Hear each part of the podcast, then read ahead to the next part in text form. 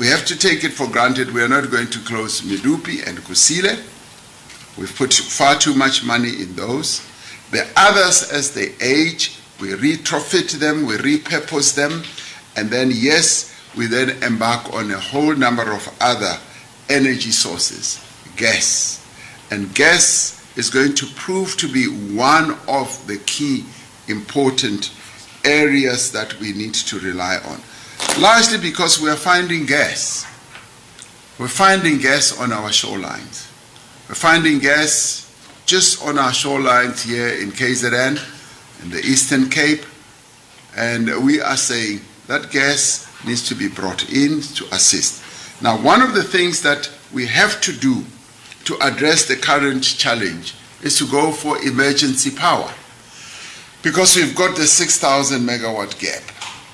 And much as we are going to try and get other megawatts all over, there has to be an emergency uh, acquisition.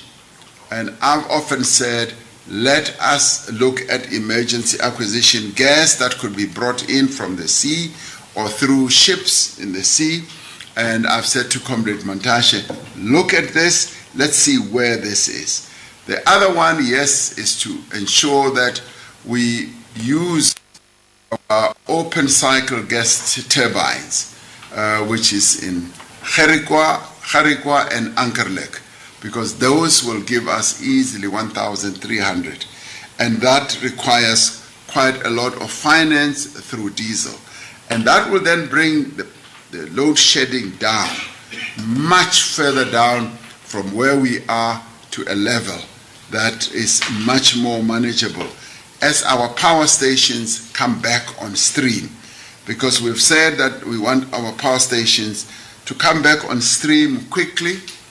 And I know for a fact that we cannot continue making excuses for, to our people because uh, as we outline all these challenges, our people are not interested.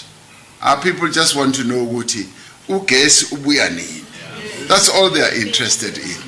Loko kunye ngikhuluma ngakho bathi asiyakuzwa kodwa ubuya nini ugesi. And uh, in December, I was in the Western Cape. Young boys, young small boys came to me and said, President, please don't switch off the electricity. Seven year old young boys. Then I realized Guti, we have a big problem.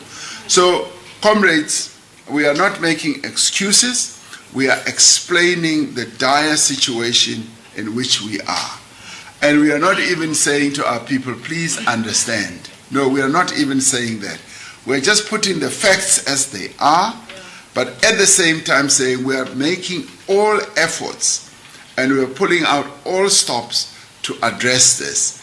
And as I say, we are adding on a number of uh, areas where we can get more and more megawatts. Now, of course, the other issue that I also spoke about yesterday was this issue of NERSA. NERSA, we set up NERSA independent so that it can protect our people with uh, energy prices and all that. So they do their own calculations. ESCOM goes to them and say we require so much increase, uh, and uh, NERSA will then say, well, we think you only need so much. So they've come out and said, yes, ESCOM can increase 18%. So what I have said to the board I've said, in the light of the load shedding that our people are going through now, I would propose that you, as the board, and it is the board that must deliberate on this, that you, as the board, consider postponing this so that it must not be implemented now and negatively impact on our people. That's what I have said. So I've put that as a proposal. It has to be discussed by the board because I do think, Uguti, that will soften, soften the hardships that our people are going through. Because right now, we've got load shedding, awuna ugesi. And then uh, on top of that, ngaphezulu futhi. So I just said the two just don't go together. So that's why I've put this uh, proposition forward uh, to them. But whilst we are doing all that, We have consulted, extensive consultations in this whole week.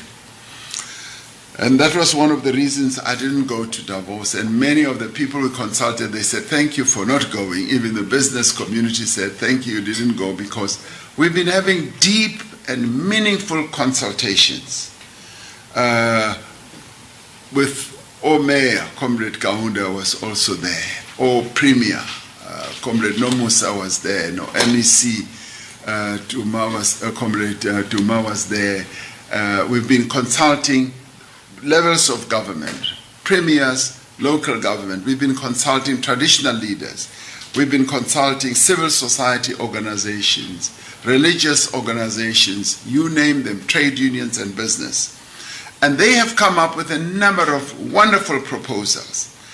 And some of the proposals are, kungcono we must start moving to prepaid ngoba well they recognize ukuthi ESCOM is owed almost 65 to 70 billion rand by Omaspal.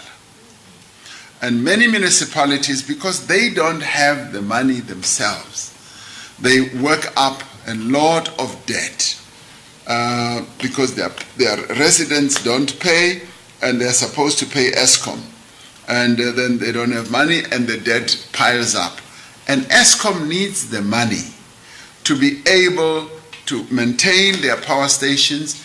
ESCOM needs the money to be able to even buy diesel so that the uh, open cycle gas turbines can operate at peak times when the other power stations are not functioning.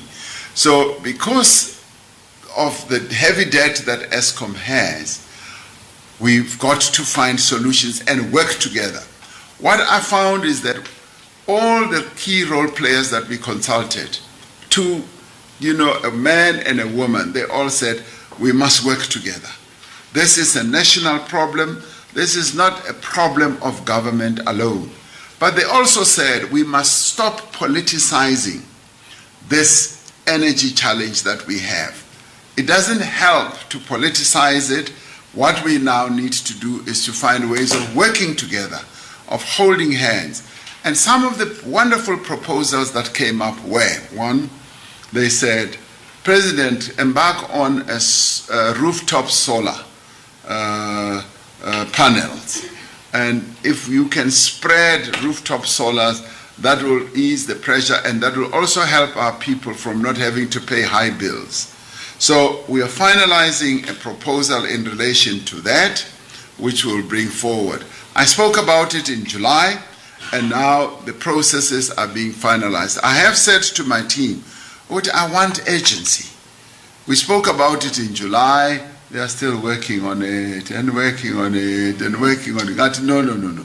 Accessibility log. We now must move urgently and do things urgently because the needs of our people are very urgent and our people want quick answers on these things.